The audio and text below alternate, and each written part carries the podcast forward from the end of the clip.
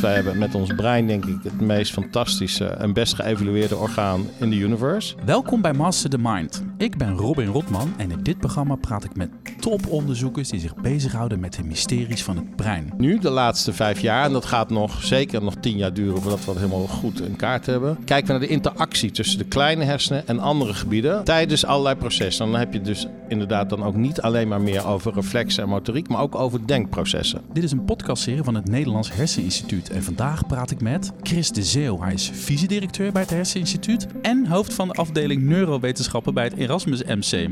Vandaag hebben we het over de kleine hersenen. Leuk Chris, ik zit hier bij jou thuis. Je woont prachtig hier in Rotterdam. Die kleine hersenen gaan we het zo over hebben. Toen bij, bij onze telefonische kennismaking eh, vertelde jij dat uh, neurowetenschappen eigenlijk de religie van de toekomst is. Dat triggerde mij een beetje. Ik ben wel benieuwd, wat bedoel je daar, eigenlijk mee? Ja, nee, dat klopt. Ik denk en ik hoop ook dat de neurowetenschappen de religie van de toekomst worden. En waarom? Nou, kijk, het belangrijkste, uh, of een van de belangrijkste doelstellingen van de neurowetenschappen vind ik dat we onszelf leren kennen. Hoe werkt ons brein? En uh, ik denk dus dat als wij maar goed begrijpen en goed uitleggen aan iedereen, zoals nu, uh, wat er in ons brein gebeurt als we bijvoorbeeld emoties hebben, als we verliefd zijn, als we uh, verslaafd zijn, als we heel erg boos worden. Uh, als we proberen een ingewikkeld probleem te doorgronden. Als we denken, et cetera, als we slapen. Dan gaan we zo maar door. Hè? Als je dat eenmaal goed begrijpt, dan kun, je, dan kun je en jezelf veel beter begrijpen. En kun je jezelf ook behoeden voor extreme reacties. En ook anderen. Je kan meer begrip hebben voor anderen die misschien een persoonlijkheidsstoornis hebben. Maar de religie weet... van de toekomst vind ik nogal wat. Ja, Chris. dat is ook zo. Maar je moet je realiseren, wat, wat is de religie in het verleden geweest?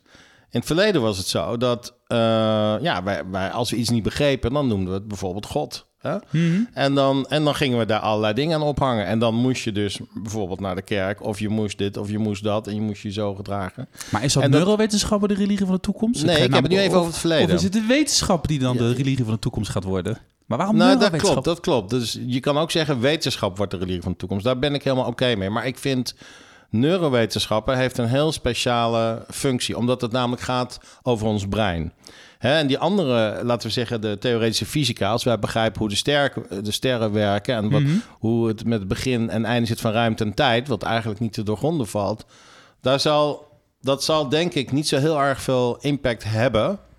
Uh, uh, zoals dat bij de neurowetenschappen zal zijn. Als wij onszelf begrijpen en ons brein, dan verwacht ik dat we daar eigenlijk in het, in het dagelijks leven meer aan zullen hebben. Ik wilde aftrappen met deze vraag om even aan te tonen. Jij bent gepassioneerd over het brein, hè? Ja. Jij bent een breingekkie, hè, of niet? Ja, nee, ik ben een breingekkie, maar ik ben ook eigenlijk heel erg gek op theoretische fysica. Oh, ook, die, die, die noem je ook niet voor niks. Oké, okay, oké, okay, die kleine hersenen, dat is jouw terrein, hè? Jij, zit, jij bent chef kleine hersenen, zal ik maar zeggen, in mijn bewoordingen.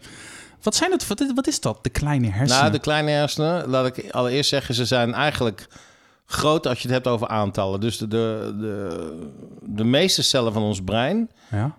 en dan heb je het gauw over 60, 70 procent, zitten in onze kleine hersenen. En uh, er zitten namelijk heel veel heel kleine, heel kleine celletjes. Mm-hmm. Dus qua volume zijn de kleine hersenen kleiner dan bijvoorbeeld de grote hersenen.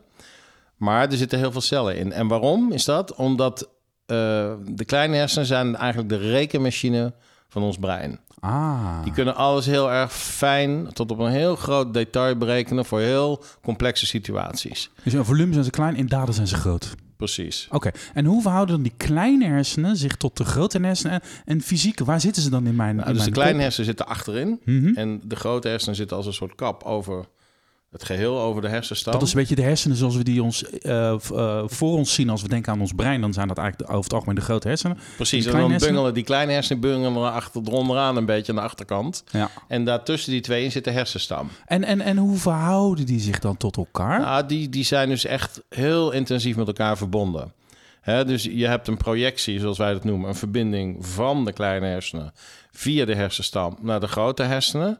Maar ook van de grote hersenen via de hersenstam weer terug naar de kleine hersenen. Dus je hebt een cirkel als het ware, waarbij die twee gebieden elkaar steeds kunnen beïnvloeden. En kun je dat dan illustreren met een, met een voorbeeld? Je zegt die kleine hersenen zijn dan zeg maar de, de, de rekenmachine. Die, die gaat, die, maar ja. kun je dan een voorbeeld geven dat die rekenmachine aan het werk gaat en dan kennelijk signaaltjes geven naar die grote hersenen, die sturen die dus aan ja. en daar gebeurt iets, mijn lijf gaat in beweging, whatever. Ja. En daar komt dus feedback weer naar de kleine hersenen, die gaan weer rekenen goed. en zo gaat het. Het lijkt alsof je er iets vanaf weet. Heb je daar een concreet voorbeeld bij hoe dat nou dan ja, in de praktijk als je bijvoorbeeld gaat? denkt aan, aan een beroemde tennisser, het kan ook een minder beroemde tennisser zijn. Een tennisser, ja. Een tennisser. En de, de, beroemde uit. tennisser Chris de Zeel, ja? Ja, bijvoorbeeld. dat zou kunnen.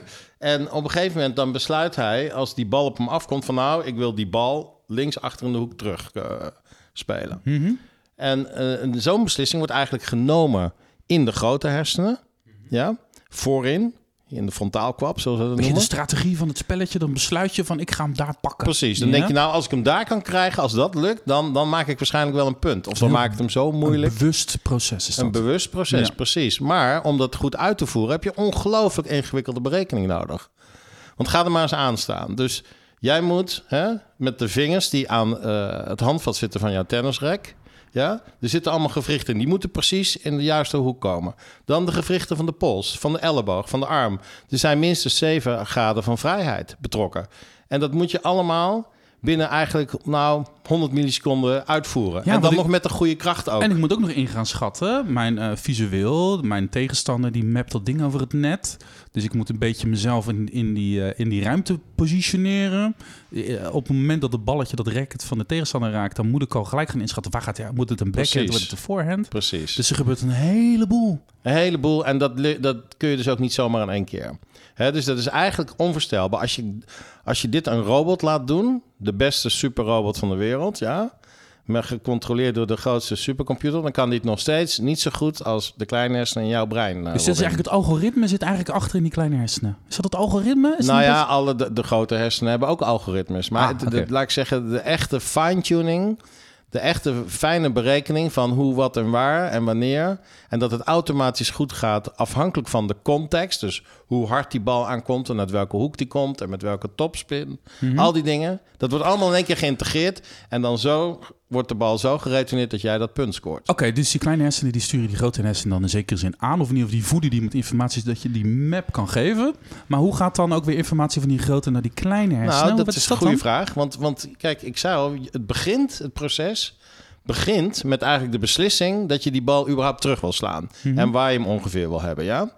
Op dat moment dat je dat besluit en die bal is dan al onderweg van de tegenstander naar jou toe, maar op dat moment gaat er een signaal van de grote hersenen naar de kleine hersenen toe. Mhm. Die, die, eh, die zegt als het ware tegen de kleine hersenen... nou, eh, probeer te integreren wat je allemaal ziet, wat je voelt... wat de stand is van je eigen lichaam. Integreer het allemaal en berekent razendsnel... Ja, dus binnen tientallen milliseconden... wat je dan moet doen om die bal terug te, terug te slaan. Op de goede manier is dat je een punt gaat scoren. Dus de beslissing wordt genomen in de grote hersenen... en de uitvoering wordt overgelaten eigenlijk voor een groot gedeelte aan de kleine hersenen. Maar dan moeten de kleine hersenen moeten dan dus wel weten van de grote hersenen dat dat moet gaan gebeuren. Kan je die berekening zien?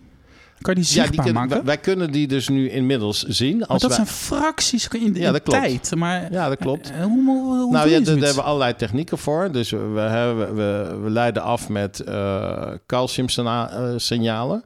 Die hebben een temporele resolutie van 10 tot 30 milliseconden. Wauw. We hebben ook ultrasound technologie tegenwoordig. Die, die kunnen ook inmiddels net zo snel eh, geanalyseerd worden.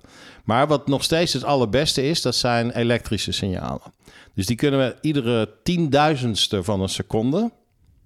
Ja, dus dat zijn Dat is 10.000 ongelooflijk. milliseconden in één seconde. Maar je kan per iedere tienduizendste seconde kan je dus waarnemen wat er gebeurt met de elektrische activiteit in de kleine hersenen. En dat doen wij ook tijdens dit soort proeven eigenlijk. Want wij kunnen wat, wat wij doen tijdens het tennissen, dat kunnen wij nabootsen in het lab bij dierproeven. Ja. Die bijvoorbeeld geconditioneerd worden, dan niet op een tennisbal, maar op bijvoorbeeld een luchtpufje. En die moeten dan als reactie erop bijvoorbeeld een eyeblink maken of een pootje Ah. uitsteken of, iets, of een lik doen of een whisker movement maken. Daar zijn we hebben allemaal trucs voor.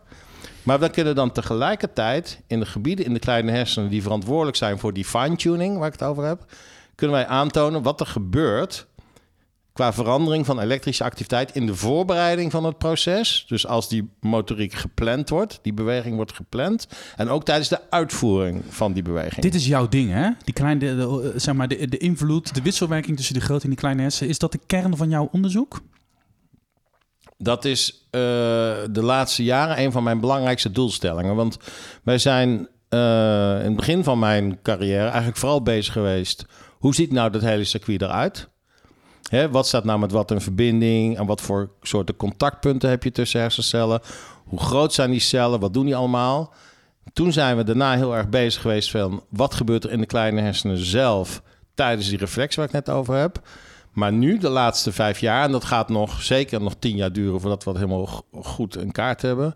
eh, kijken we naar de interactie tussen de kleine hersenen en andere gebieden, waaronder de hersenstam, maar zeker ook de grote hersenen, tijdens allerlei processen. En dan heb je dus inderdaad dan ook niet alleen maar meer over reflexen en motoriek, maar ook over denkprocessen. Wat is nou een... eh, wat is nou, als je hebt het over denkproces, wat is nou een gedachte?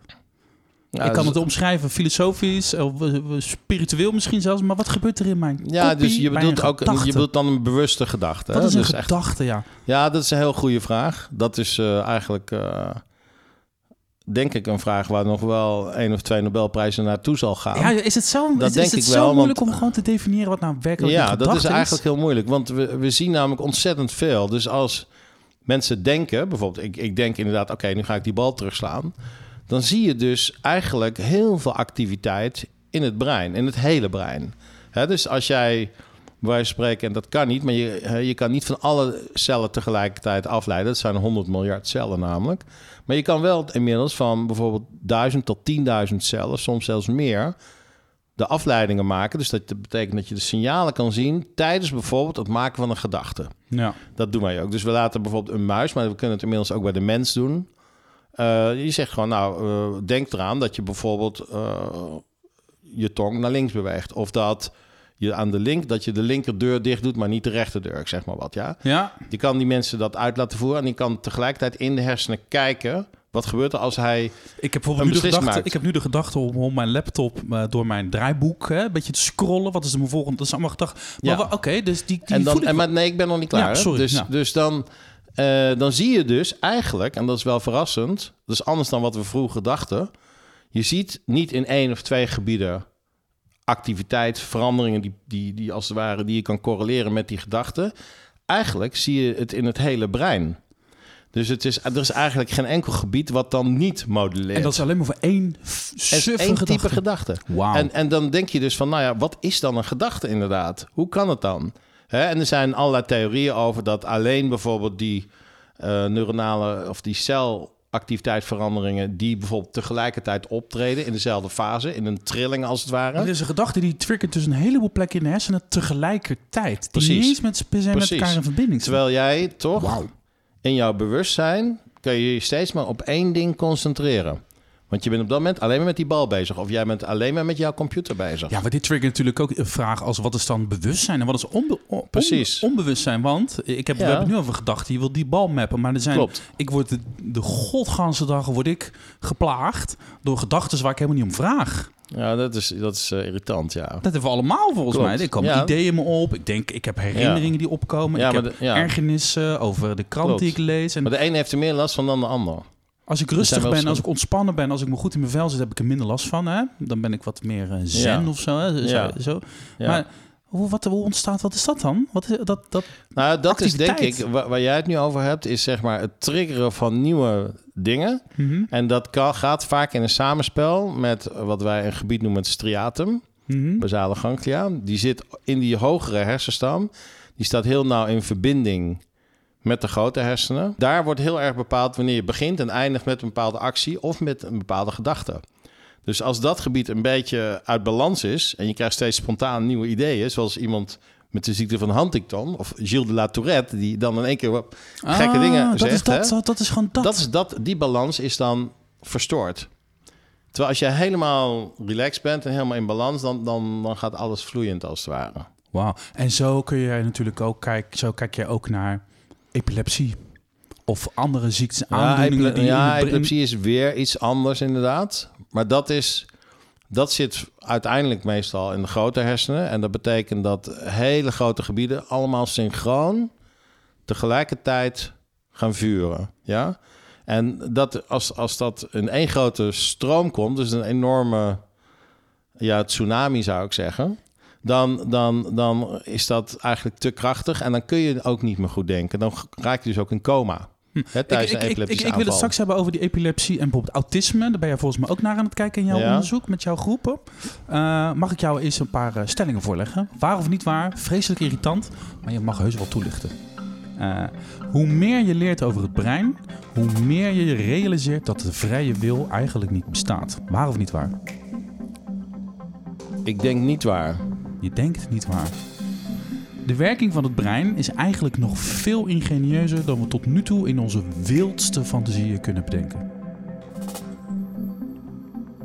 Ja, dat is ook lastig. Ik, ik zou zeggen... eh, ja, het is, het is, het is waar. Oké, Laat ik maar waar. zeggen, ja. Het talent van topsporters zoals Ronaldo en Messi of Federer de tennisser zit eigenlijk meer in de hersenen dan in het lichaam. Ja, dat denk ik wel. Het onderscheidend vermogen, ja, tussen... eh, ja, klopt. Ik denk het wel. Wauw. Laten we ze even kort toelichten eh, wat je over, over, over, de vrije wil. Je zegt, Ja. mm, waar? Ja, dat is dus een hele lastige. Ik zal dat ook inderdaad toelichten. Ehm, kijk, wij, wij, er zijn veel metingen geweest inmiddels. Eh, daar hebben we het ook eerder over gehad. Dat je, eh, als jij dus echt goed meet van in de hersenen... dat jij al kan voorspellen als wetenschapper... die aan de buitenkant kijkt naar die activiteit... wat die persoon gaat doen... Ja, dan dat die persoon het zelf weet. Een individu heeft er meestal ongeveer 200 milliseconden voor nodig om zich bewust te worden van een gedachte of van een actie die je wil gaan nemen. Ja?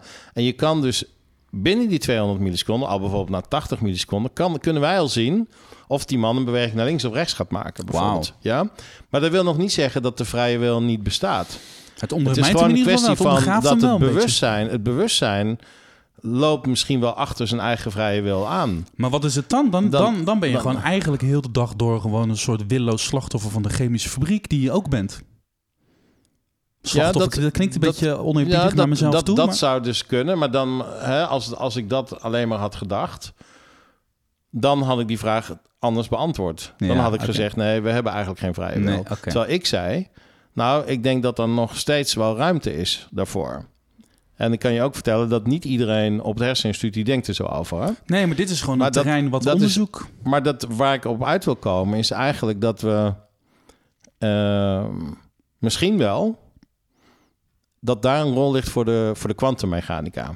Oeh. Ja, dus, dus nogmaals, wij zijn als eh, mens, wij hebben met ons brein denk ik het meest fantastische en best geëvalueerde orgaan in de universe, voor zover als we kunnen zien. En, ehm, maar die, die ontwikkeling die is niet van vandaag op morgen eh, is, die, eh, is, dat eh, geschied. Dus dat heeft miljoenen jaren geduurd. Maar in al die tijd heeft hier op aarde ook in ieder geval de kwantummechanica een rol gespeeld. Dus van, van meet af aan al. Dat de eerste moleculen ontstonden, dat de eerste algen gevormd werden, de eencellige, et cetera. Dat ontwikkelden. zijn de natuurwet eigenlijk. Ja, dat is gewoon een basale natuurwet die er waarschijnlijk altijd geweest is. En die kan dus ook een rol hebben gespeeld bij de ontwikkeling van ons hele lichaam en ook van ons brein. En niemand kan bewijzen of ook falsifiëren dat het ontstaan van een gedachte of van een wil, hè, want we hebben het over de vrije wil, dat dat, eh, laat ik zeggen, ehm, alleen maar vast ligt in, in, in die moleculen. Oh, Christus, Dus het dan kan ben je nu zijn. van, de, van neurowetenschapper... word jij ook nu inmiddels geacht om een soort kwantumfysicus te gaan worden. Want je moet dat, dat, dat, die, die terreinen moeten dus bij elkaar gebracht worden nu. Nou, dat, ik denk niet dat ik eh, daartoe in staat ben. Nee, maar, maar ik denk wel dat dat, dat, dat, dat, dat eh, ik kan niet uitsluiten dat dat ook een rol speelt. En dat dat mede verklaart dat, dat er toch hè, zoiets bestaat als vrije wil. Dat is natuurlijk, je moet ook beginnen met een definitie te maken van wat is vrije wil. Ja, oké. Hier kunnen we nog ja. over doorpraten. Ja. een andere podcast. Wat ik ook leuk vind, die laatste stelling over eh eh, topsporters. Hè, dat leuke experiment van, eh, van Ronaldo. Die staat dan in een hele donkere ruimte. Er is een beetje licht. Dan wordt die bal vanaf de cornervlag getrapt richting hem. Dan gaat het licht uit. Eh, dus hij heeft alleen maar dat kleine een beetje informatie van die trap. En dan vervolgens mapt hij hem alsnog met een omhaal in de kruising. weet je wel? precies. En hij heeft een soort superreflexen, lijkt het wel. Dus hij heeft klopt. weinig informatie naar film. Dat, dat is zijn kracht. En toen dacht ik van, hé, hey, eh, fysiek is hij natuurlijk getraind. En hij is traint ook Ja. harder dan andere mensen misschien. Maar Ja, zijn brein is Ja. ook anders ontwikkeld Ja, dan, dan klopt. zijn collega voetballer. En met Messi geldt dat misschien ook. Misschien Ja. nog wel meer. Die zat, ja, precies. Wauw. Want als je, dat klopt, dus het is wel een interessante vergelijking ook. Want kijk, in principe ziet Ronaldo er uh, wat atletischer uit dan Messi. Hè? Mhm. Wat, wat groter, wat sterker. Uh, maar ehm, de reflexen van Messi zijn natuurlijk helemaal waanzinnig. Die is iedereen altijd, altijd zelfs iets beste verdediger is een stapje altijd. Altijd, eh, ja. Dus in zijn voorbereiding van iedere beweging is hij altijd net iets sneller. En hij kan beter voorzien, laten we zeggen, al, al eh, twee, drie baltouches voordat de ander eh, weet waar die bal gaat, wat er gaat gebeuren. En, Het lijkt wel of het een tijdreis daar is zit, bijna. hè? ja, en daar zit zijn grote kracht, denk ik. Oké, maar dan... Je hebt tegenwoordig in de voetballerij heel modern. Er worden psychologen worden er aangerukt om, om mentaal mensen een beetje handiger te worden, te, te laten zijn. Er wordt data aangerukt om te kijken van, het zijn je looproutes wel goed, hè? Maar er moeten ook eh, neurowetenschappers in zo'n, eh, de bondscoach Dat is een, onderdeel van de religie. moet een Chris erbij halen. Zeker. Want je moet op Zeker. brein gaan trainen als je Ja, een goede voetballer wil worden. Ja. Zou, heb, zou je een idee hebben wat jij zou kunnen doen als neurowetenschap om het brein te trainen? Als je tegen Ronaldo moet voetballen, dan moet je de verdedigen. Moet je Virgil van Dijk, zijn brein moet ook harder gaan werken. Kan je, kan je dat? Zou je dat kunnen? Zou je het Eh, leuk vinden om dat te proberen? Nou, dat is wel in feite wat hij sowieso al doet. Hè? Dat, gaat, dat gaat onbewust. Maar dat, ik denk wel dat als wij als neurowetenschappers uitleggen hoe het werkt... dat, dat ze nog gerichter en nog sneller en nog beter die dingen kunnen aanleren. Dat denk ik wel. Ah, dus je, je, en je, dat is dus... je traint het brein indirect door op, op de trainingen, op de voetbalveld doe je dat. Maar je kan dan nog gefocuster dat brein nog handiger maken. Want ja, Ja, ja, met name als je dus bijvoorbeeld... Hè, een van de, van de uitvloeisels daarvan is dat ze op een gegeven moment ontdekten... dat, eh, dat ik zeg maar wat, eh, schaatsers of, of zwemmers... Hè, dat als die bijvoorbeeld s'nachts in bed liggen... of s'avonds op de bank... als die dus niet in het zwembad liggen... maar die gaan gewoon een uur op de bank liggen... en die gaan zich inleven in hoe het is... welke slagen ze moeten maken... hoeveel slagen voor de eerste 50 meter en dan terug... en, en ook bij het schaatsen... Hè, dat ze door, hoe ze door de bocht moeten, et cetera dat die mensen die dat gedaan hebben... we- wezenlijk beter presteren, significant beter... dan mensen die, die dat niet doen. dus als Dus je puur mentale Dus dat zou bijna denken Ja. dat als je overdag op het voetbalveld staat te trainen... of, of op die schaatsbaan staat of op de tennisbaan te trainen... Ja. dan zou je eigenlijk s'avonds een soort eh, headsetje op moeten doen... Ja. om je brein nog steeds te trainen. Klopt, zo- klopt. Maar, dat, maar dat doen ook veel. Dus dat de beste, dus ook iemand zoals Ronaldo, die doet dat ook. Wauw. Die doen dat soort dingen ook. Die zitten ook letterlijk weer in te leven. Is dan dus ook Zijn zo gamen, bezig. FIFA, dat is helemaal niet zo gek. Ja, Om nee, je reflexen een beetje... Dat is ook zo. Een chirurg, als voordat hij de OK ingaat op het Erasmus MC, die moeten eerst vaak een 20 minuten gamen voordat ze, voordat ze mogen gaan snijden. Wauw. Dus in, de, in die kamer, in die artsenkamer, worden dat soort dingen gedaan om gewoon het brein helemaal scherp te krijgen. Dit is natuurlijk wetenschap. Hè? Je wil dat, die brein, dat brein snappen. Je, wil, je, wil, je, je, je, je, je, zorgt ervoor dat uiteindelijk neurowetenschap de religie van toekomst... Nou, dat wil ik heel... Maar het is ook heel concreet. Je gaat ook eh, een bijdrage leveren aan eh, behandeling van epilepsie, autisme... Klopt. Of, of Klopt. echt gewoon ziektes misschien wel. Klopt, Eh, klopt, ja. wat is voor, voor jou betreft daar een, een... Is dat autisme? Is dat iets waarvan je denkt van... Hey, dat vind ik interessant? Of epilepsie? Of Het is allemaal interessant. Ik vind eigenlijk alle hersenziektes interessant. Hè? De- je moet je voorstellen dat eh, de hersenziektes... die zijn voor ons als fundamentele neurowetenschapper... een van de allerbeste bronnen...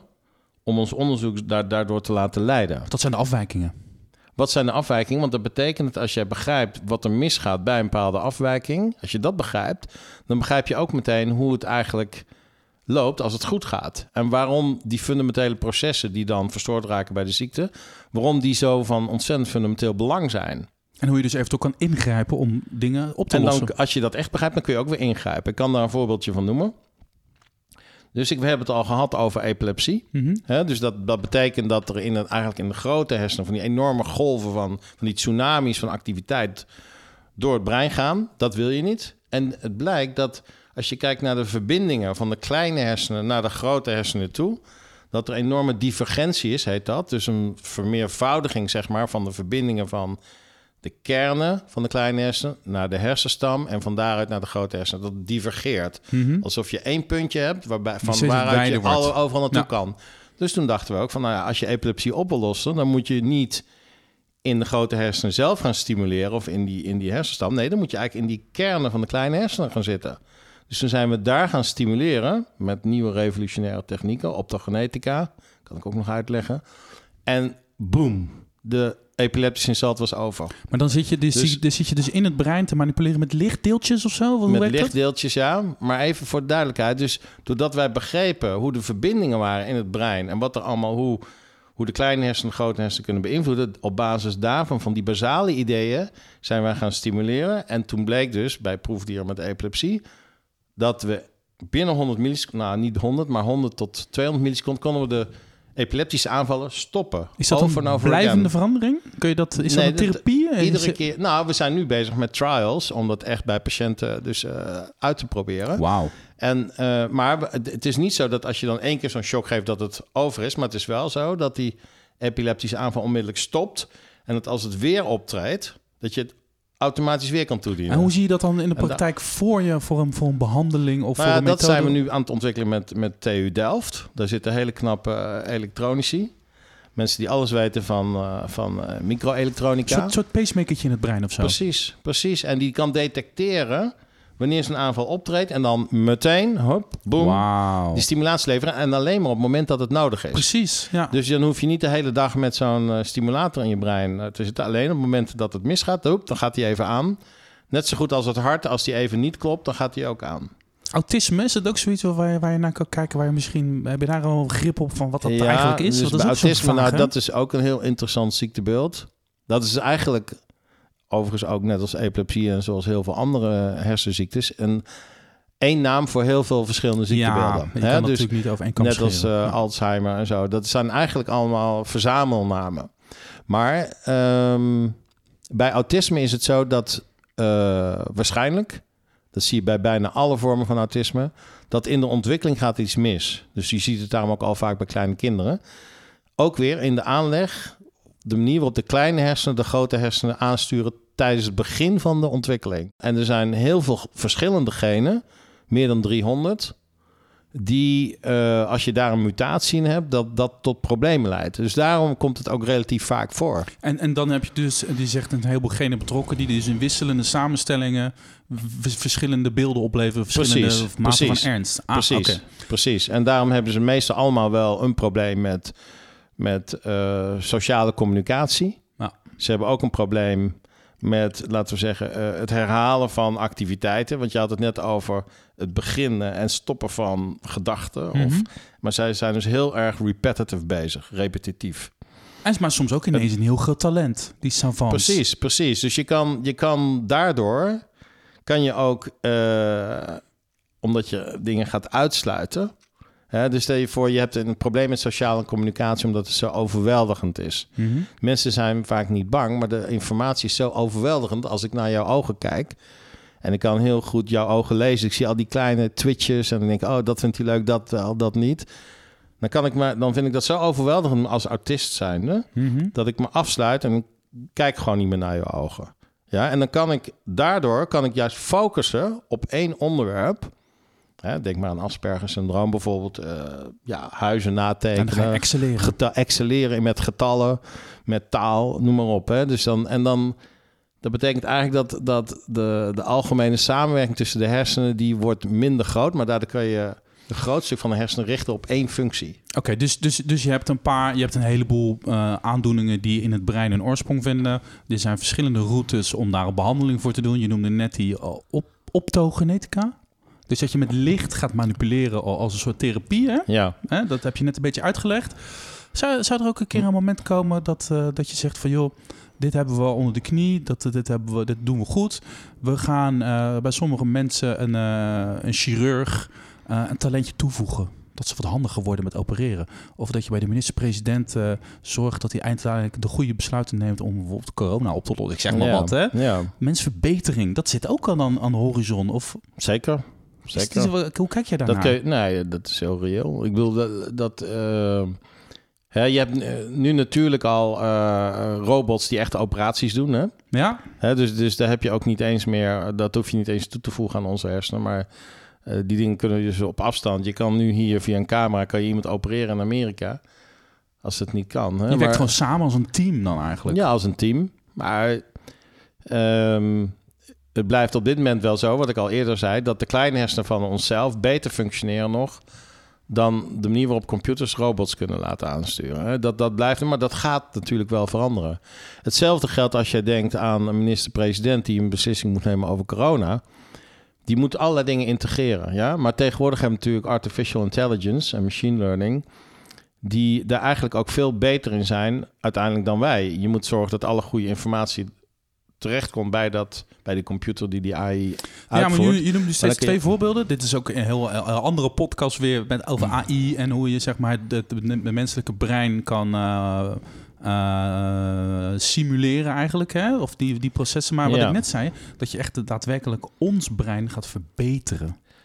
Ja, Door te Ja. manipuleren. Door, maar het is oh, je bedoelt niet door dingen te implanteren, maar door te manipuleren ja, van je, zegt- buitenaf. ja je, Van- je, je, je kan kennelijk eh eh zoiets als epilepsie kan jij eh, manipuleren door dus met die lichtdeeltjes te beïnvloeden, waardoor die signaaltjes niet meer door een soort pacemaker in te bouwen, waardoor het niet meer gebeurt. ja. Maar je zou misschien ook wel iets kunnen inbouwen, eh, met, eh, waardoor, ehm, waardoor we slimmer worden. Gewoon betere besluiten gaan nemen. ja, Handiger gaan opereren, nog beter. ja. Maar dan, eh, dat is Nee, wel we kunnen e- wel al muizen dingetje. maken die slimmer zijn dan een gewone muis. Een muis die een kruiswoordpuzzel oplost of dus- zo. nou, dat ook wel. Ja, dus dit- dit- je kan echt eh, dingen, eh, muizen bepaalde dingen laten doen waarvan je denkt, wow, dat die dat kunnen. Wauw. Dus, en dat doen we vaak, dat gaat vaak door genen te manipuleren. Dat is toch Dus je kan bizar, echt, echt genen inbouwen die er aanvankelijk niet waren of eh, modificeren. Waardoor die muizen slimmer worden dan, dan, dat ze, dan dat de gewone muis überhaupt ooit kan worden. Alleen, er zitten vaak weer bijwerkingen aan. Vaak, die, die muizen krijgen vaak bijvoorbeeld kanker. Oh ja, dat, is het in- dat niet. is ook niet echt fijn. Nee. Maar dat, zo kom je wel langzamerhand verder. En ehm, ja, ik ben ervan overtuigd dat dit soort dingen gaan in de toekomst eh, ook een rol spelen. Dus die manipulaties op allerlei manieren, dat kan. Is, is het leven makkelijker en leuker als je veel meer snapt van hoe dat werkt in die bovenkamer? Of is het misschien ook wel frustrerender en ongrijpender juist of zo? Nou, ik denk dat het leven veel leuker wordt. Ik vind het zelf namelijk veel leuker. Ah. Omdat je... Kijk, eh, het blijft zo dat het meest ingewikkeld wat op ons afkomt... Zijn toch, is toch het gedrag van andere mensen. Mhm. Als je gewoon kijkt naar tv, als je op straat loopt... als je ziet wat er allemaal in de wereld gebeurt... dan denk je, hoe is het in godsnaam mogelijk? Maar als je het brein begrijpt... hoe werken de hersenen... dan, wordt, dan worden heel veel dingen beter te begrijpen. Het helpt je relativeren, je wordt milder. Het, je wordt milder. Mededogen. Je, je, het mededogen wordt veel, veel, eh, is veel beter. Eh, je hebt veel meer begrip voor anderen, veel meer liefde. Oh, wauw. En eh, dus de, de wereld gaat er beter uitzien. Als je het een beetje Dat, ben- daarom zeg ik, het is wat mij betreft de religie van de toekomst. Omdat het gebaseerd is op iets wat, wat, wat werkelijk gebeurt. Het is tijd voor onze rubriek Vraag het Swaap. We hebben weer een luisteraar gevonden die een vraag wilde stellen aan Dick Swaap. Ehm, en die wilde weten, wat gebeurt er in het brein bij een gebroken hart? Ik ben benieuwd wat Dick ervan zegt. Ja, wanneer je liefdesverdriet hebt, eh, dan is dat te vergelijken met de onthoudingsverschijnselen bij iemand die verslaafd was, maar ophoudt met het gebruik van die verslavende stof. Je krijgt precies dezelfde symptomen. En het zijn ook dezelfde systemen in de hersenen die daarop reageren. En het is dus een kwestie van eh, tijd en volhouden om van die verschijnselen af te komen. We zijn gewoon junkies eigenlijk. Het is gewoon een soort afkikmechanisme als je liefdesverdriet hebt of zo. Ja, dat klopt. Daar ben ik het helemaal mee eens. Het, het, het grappige is wel, en Nietzsche die wees er altijd op, dat we willen ook verliefd zijn. Hè? Verliefd zijn is niet iets wat je alleen maar overkomt. Je moet er wel voor openstaan. En je moet het ook willen. En sommige mensen zijn ook verslaafd aan het verliefd zijn. Dus die worden heel makkelijk verliefd. Op een gegeven moment gaat, eh, gaat het stuk. Dan heb je een broken heart, inderdaad. Gebroken hart. En eh, is een tijdje niks. Maar dan op een gegeven moment worden ze weer verliefd. En dan gaat het weer mis. Maar je bent gewoon een junkie van die knuffel. Je bent eigenlijk een junkie van, die- de hormonen die ja. vrijkomen in jouw limbische systeem, waar Swaap het over heeft. En dat is, voelt zo lekker, daar krijg je zo'n kick van, dat daar hunker je naar. En dat is eh, in een bepaalde manier, is dat zeker als je jong bent, ook functioneel natuurlijk. Ja, Want je moet eh, toch aan kinderen om voor te planten. knuffelen, je gaat een band Om- opbouwen. Dat, ja, daarvoor is Hm. dat nodig. Dus om, om, om, om je voor te planten en kinderen te krijgen, moet je soms een aantal dingen van een partner niet zien. om wel, wel toch die kinderen te maken. En af en toe zul je dus moeten afkicken als dat geintje Ja. dus in de soep Ja. loopt. Oké, Ja. hey, welk deel van het brein hoop jij dat we ook nog eens gaan masteren? Nou, dat, dus, kijk, het blijft zo. Dat, dat, het gaat juist om het brein als geheel. Dus al die onderdelen, dus eh, de grote hersenen, de kleine hersenen, de hersenstam, het ruggenmerg, ook wat er in de periferie gebeurt, dat is één geheel. Ook met je lichaam. En dat, dat is juist de, de quintessens. En daarom kunnen wij ook nooit echt bijvoorbeeld dierproeven volledig vervangen door organoïden of zo. Dat moet je niet doen, dat moet je ook niet willen. Ehm, wel voor onderdelen van de vraagstelling, maar niet voor het geheel. Maar de crux blijft dus om het geheel in interactie met elkaar en dan in de omgeving te kunnen duiden. Want dat Nou, komt natuurlijk door wat jij zei, die gedachte, dat zit overal in het brein. Dus je zal dan Ja, het hele brein maar- tegelijk moeten Ja, kijken. maar als jij zegt, Chris, oké, ja, dat begrijp ik, maar ik wil je toch dat je één gebied aanwijst, dan zou ik zeggen, dan wil ik als man van de kleine hersenen juist de grote hersenen volledig begrijpen. Dat is sympathiek. Ja, maar het is, het is pure nieuwsgierigheid. En want ik denk want, ook want de kleine uiteindelijk... hersenen, daar weet je al een hoop over. En je wil Nou, meer over die dat- grote, omdat, om die ja, connecties dat, te snappen. Dat, dat, dat, dat speelt daar doorheen. Maar het is ook zo dat ik denk dat uiteindelijk als je het hebt over een gedachte... Hè, dan het grootste gedeelte van de gedachte vindt toch plaats in de grote hersenen. Hoe groot de invloed van de kleine hersenen daarop ook is. Ja. Jeetje, leuk. Ehm, neurowetenschap als religie van de toekomst. Chris de Zeel als hoge priester van de neurowetenschap of zo? Ja, terwijl ik geen moralist ben. Maar, maar in het algemeen niet, laat ik het zo zeggen. Eh, maar dit is iets waarvan ik denk dat, dat is eigenlijk goed voor de wereld. Ook omdat ik zie dat er andere religies hè, in het verleden, de afgelopen eh, 10.000 jaar, die hebben heel veel goede dingen gedaan, maar ook heel veel slechte dingen. Daar is heel veel uit voortgekomen.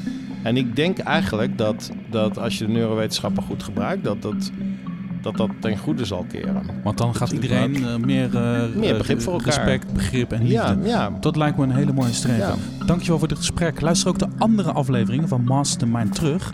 Over eh, onderzoek van Dick Wapen en creativiteit. Of over Pieter Roelfsema die camera's koppelt aan het brein. Zodat blinde mensen weer kunnen zien. Over de hersenbank, over slapen. Er zijn zulke topmensen bij het Herseninstituut die zulke leuke dingen doen. En ga ervoor naar mastermind.nl.